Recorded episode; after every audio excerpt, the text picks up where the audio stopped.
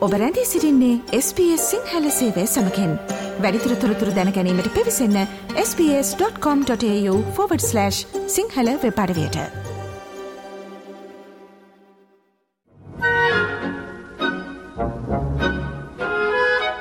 විශ්ව සාහිත්‍යයේ රසමන් පෙත්. ලෝක සාහිත්‍යයේ සුවිශේෂී කෘති සහ සාහිත්‍යදරීන් පිළිබඳව වන රසාලිප්ත විමර්ශනය. විශ්ව සාහිත්‍යයේ රසමන් පෙත් හිතමාස්වරාගෙනගේ ඇයිද දැපඩිල් මලේ? හිමවාගේ සුන්දර හසකැන් රදවා කදේ ඔබුනා කියන්නේ නල රැලින් කඳුමානයේ. ඔබ තාමමාගෙමයි වසත් කල යව්වනේ ඔබ තාමමාගෙමයි වසත් කල යව්වනේ විශ්ව සාහිත්‍යයේ රසමං පෙත් අද මේ විශේෂාන්ගේ ඇයි මේ ගීතයකින් අද ආරම්භ වනේ කියලා ඔබට කුතුහලයක් ඇතිවේවි. ඩැෆටිල් මලක් කැන කියවුණු මංහිතන්නේ සිංහල ගීත සාහිත්‍යයේ අපිට හමුවෙන අපිට රසවිදිනට තියෙන එකම එක ගීතය තමයි ඔය ඔබට ඇහෙන්නේ. දයන් විතරණ ගායන ශිල්පයා සඳහන් කරපු ආකාරයටම සිත සොරාගත්ත අපූර්වතම ඩැෆටිල් මලක සුන්දරත්වය ගීතයෙන් විතරක් නෙවෙයි කවියකුණුත් විඳගන්නටයි අද අපි සූදානම් වන්නේ. මේ ඩැෆටිල්ස් අද අපේ කතාවට හරිම සුවිශේෂී. ටැෆඩිල් මල් ගැනලියවුණු විශ්ව සාහිත්‍යයේ අපූර්වතම කාවයක් පිළිබඳවයි අද අපගේ අවධානය. ඉතින් ගීත කවි මේ හැම එකක්ම අපගේ මිනිස් සන්තානය තුළ ඇති කරන්න වූ ඒ රසාලිප්ත හැඟීම් පිළිබඳව අද අපි කතාබා කරමු විශ්ව සාහිත්‍යයේ අපට හමුවන අපූර්වතම කාව නිර්මාණයක් වන ඩැෆටිල්ස් කවියත් සමගින්. මේ ඩැෆටිල්ස් කියන කවිය ඉංග්‍රීසි සාහිත්‍යය හදාරණ අයට නං අමතක වෙන්න විදිහක් නැහැ. ඒ වගේම සාහිත්‍ය කියන මේ අපූරුවතම විලහිකි මෙතන බොහෝ දෙනෙකුට නං මේ කවිය ටිකක් හුරු කවියක්. මේ ඩෆටිල්ස් කියන කාව්‍ය රචනා කළේ විලියම් වර්ඩ්ස්වර්ත් කියන ඉංග්‍රීසි ජාතික කවයා. ඉතින් ඔහු ගැනත් පුංචි හැඳින්වීමක් කරන්න එක්දහස් හත්සිය හැත්තෑව වසරේදී බ්‍රතාන්නේ කොකමෝත්හි ජෝන් වර්ඩ්ස්වර්ත් සහ ඇන් කුක්සන් කියන දෙමාපියන්ගේ දෙවනි දරුවා විදියට වර්ඩ්ස්වර්ත් උපත ලබනවා. නමුත් අවාසනාවන්ත විදියට ඔහුට වයස අවුරුදු අටේදී ඔහුගේ මවත් වයසවුරුදු දහතුනේදී පියාත් අහිමි වෙනවා. මේ අහිමිවීම් හමුවේ ඇතිවන බාධක සියල්ලම පරාජයට පත් කරමින් අකණ්ඩවම අධ්‍යාපනයෙහි නියලුණු විලියම් වර්ඩ්ස්වර්ත් කේම්බ්‍රිච් විශ්වවිද්‍යාලයට ඇතුළත්වීමට සමත් වෙනවා.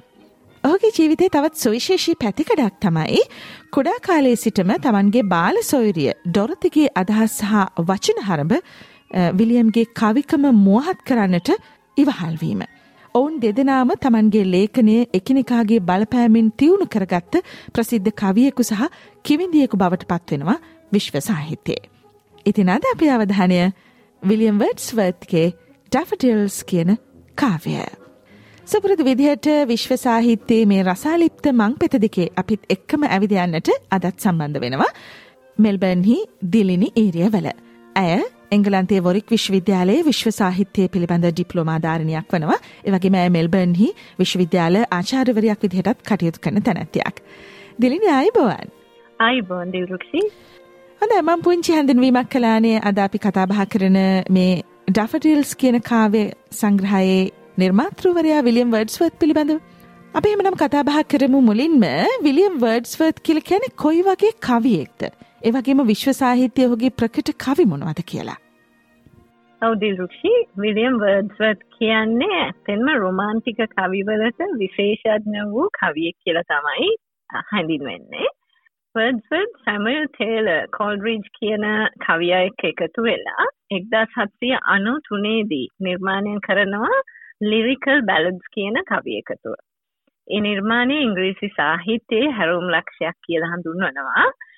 ඒකට හේතුව තමයි ඒ කවි එකතුව මගින් තමයි ඉංග්‍රීසි සාහිත්‍යය රොමාන්තික යුගය ආරම්භ වෙන්න. වර්ඩ්ස්වර්ත් කෙරුව තවත් විශිෂ්ට කාව්‍ය නිර්මාණයක් තමයි ප්‍රලෝඩ් කියන්නේ.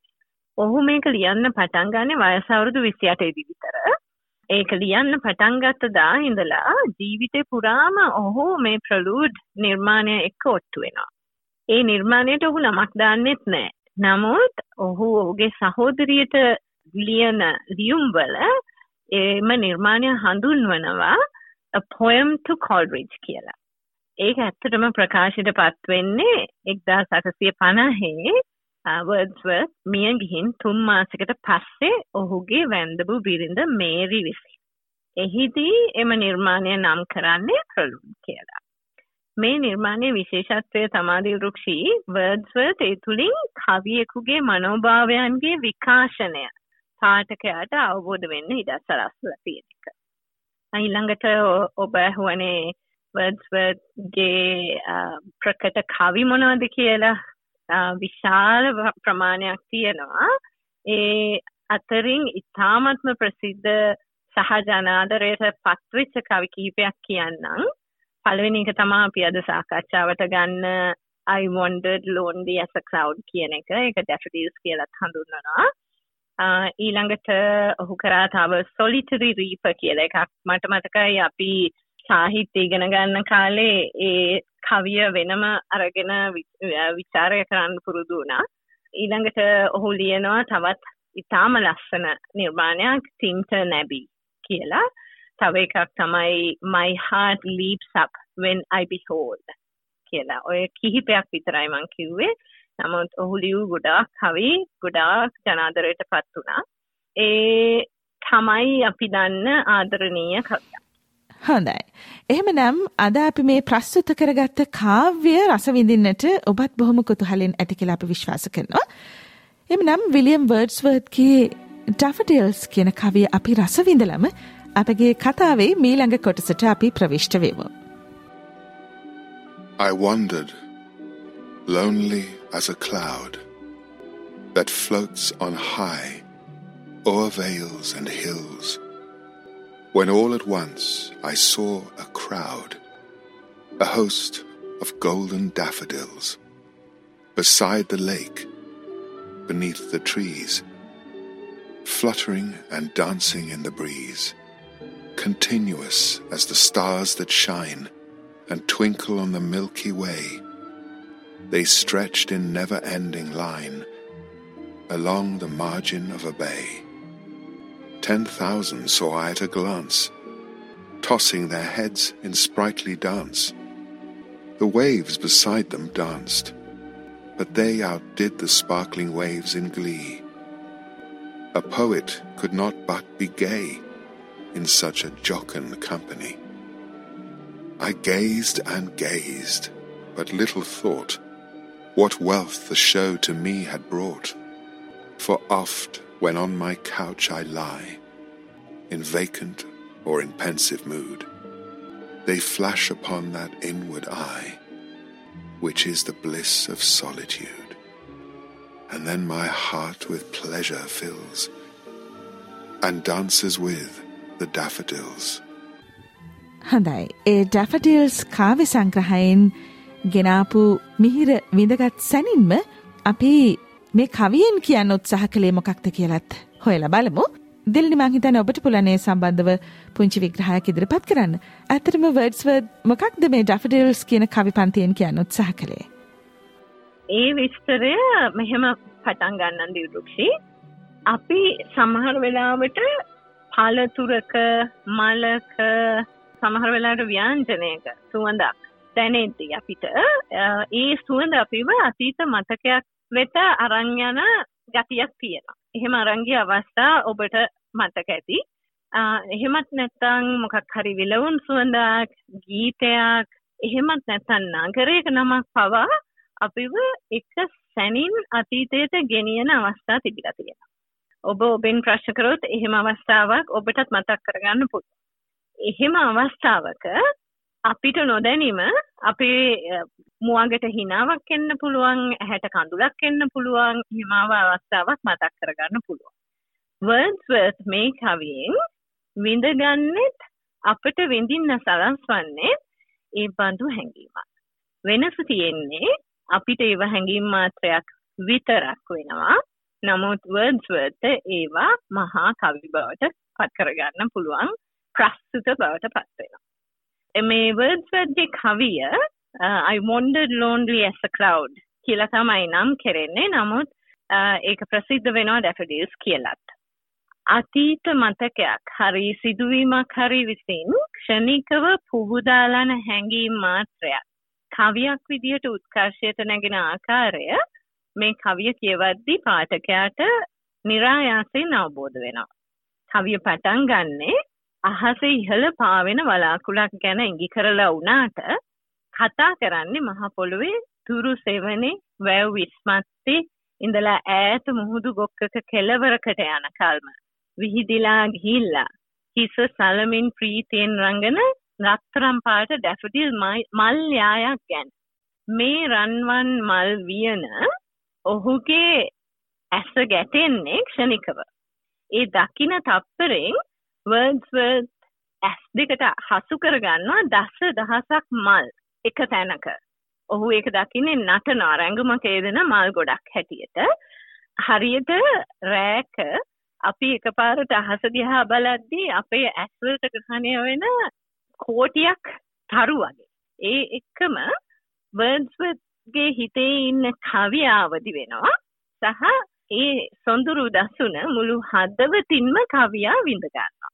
ඒ විඳගත්තු ආකාරය වර්ඩ්ස්වර්ත් පුළුවන් වෙන වචන කීපයකට ගොනු කරන්න. අපි මහ පොළොවේ ඉඳලා උඩ බලද්දි පේන තාරකා වර්ඩ්ස්වර්ත් අහසේ ඉඳලා මහ පොළොවට ගේනවා. ඩැෆඩිල් රංගනය නිවි නිවි දිලෙන තරුවලට සමාන කරනවා. ඉන් පස්සේ ඒක මතක මාත්‍රයක් බවට පත් වෙනවා. අපිට නම් එහෙමම වෙලා නවතී නමුත් වර්ඩ්ස්වර්ත් ඒකෙන් පස්සෙත් සිදුවෙන දේ ලස්සන්ට ඔහුගේ කවිය තුළ නිර්මාණය කරනවා. ඔහු ලියනවා පසු කාලෙක ඔහු විවේකී සුවයෙන් නිරායාස සිතුවිලිවලට ඉඩ දෙමින් ඉන්නකොට ඒ ඩැෆඩිල් දසුන ඇස්පියන් යට මැවෙමින් හිත දිව්‍යමය සුවයකට අරන් යනවා කියලා. මේ කවිය සුන්දරත්වය තීව්‍ර වෙන්නේ වර්ඩ්ස්වර්ත් ඒ ඩැෆඩිල් රැඟුම ගැන කරන විස්තරයත් එක්ක. හොඳයි. දිල්නි බොහොම ස්තුතියි. මෙවරත් විශ්ව සාහිත්‍යයේ අපේ මේ රසාලිප්ත මංපෙත දිගේ ඇවිදයමින් විශ්ව සාහිත්‍යයේ අපූර්වත්වය පිළිබඳව සාහිත්‍ය රසය පිළිබඳව අපගේ ආදරණීය ශ්‍රාවකයන්ට සමීප කරන්න SBS සිංහල සේවය සමග සම්බන්ධවීම පිළිබඳව දිලිනි ඊරියවලයි මෙල්බර්න් හිසිට අපිත් එක්ක සම්බන්ධ වුණේ. එමනම් දිලිනි අපි ඉදිරි මාසයකදී විශ්ව සාහිත්‍යයේ රසමං පෙත් මේ විශේෂාංගයෙන් ඔබ හමුවන්නට බලාපොරොත්තුවෙන් ඔබට සමුදෙනවා. එවගේම අපි මතක් කරන්න කැමති අද අපි මේ කතා බහ කරපු ඩැෆඩිල්ස් කියන මේ කාව්‍ය සිංහලයට පරිවර්තනය කරලා දුන්න දිලිනි අපිට. ඉතින් බොහොම ස්තුතියි දිලිනි එයටත් අපි එමනම් වැඩසටහන අවසන් කරන්නේ ඩැෆඩිල්ස් කාව්‍ය පන්තියේ සිංහල පරිවර්තනයත් සමගින්. තුංගු කඳු මුදුන් හා නිම්නයන් ඉස්මත්තෙන් පාවිනා මේකයක්සේ සරත්දීමා සැනින් ඇසකැසුනි ඒ සේනාව තුරුලතා සෙවනයට වැවතීරයේ පවනේ සැලෙමින් නටමින් පොදිගැසී බලා සිටි එරන් පෑ ඩැෆටෙල් සේනාව. ශීරපතයක අරා බැබෙලෙමින් නොනැවිතී දිලන තාරුකායලිසේ මූදු බොක්ක හිමායිමේ නිම් නැති අනන්තයකට විහිදෙමින් හිසවනමින් රඟනා දස දහසක් වුණු උනුන්ගේ රැඟුම් දුටිමි එසනෙහි. අසල දියරැලි සරැලි නැටුවා ප්‍රභාමත් වූ රැලිනකමින් ප්‍රමදිත වූ ඔවුන් නැටවා. එබඳු ආනන්දයක් දට විට කවියෙකුට අන් සැපක් නැතුවා. එදෙසම යළි එදෙසම බලා සිටි විට ඒ රැඟුම් සංදර්ශනය මවිත කෙනා ඉසුරකිමදැයි මදකට හිතුවා. කල්පනාවක හෝ විවේකව සිටින හැම මොහොතකම නෙතුපියන්නට ඔවුන් දෙතුලයි හොද කලාවේ දිව්‍යමේ සැපේ පතරයි. මහද සොම්නස පිරි ඉතිරේ ටැෆටිල් සමගින් සැලේ රඟදේ. විශ්ව සාහිත්‍යයේ රසමං පෙද්දිගේ සැරිසරන්නට තවත් මසක අවසානාගහරුවාදා අපි යළි හමුුවමු.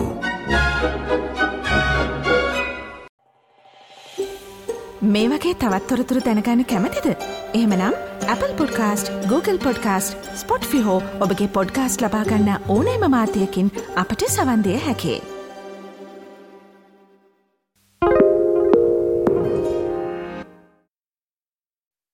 Why do people want to be at work?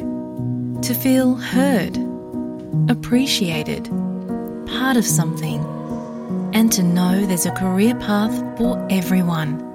Inclusive workplaces are linked to increased innovation, productivity, and employee satisfaction. Make your organisation a place where people want to be. For inclusion and diversity training, visit inclusion-program.com.au.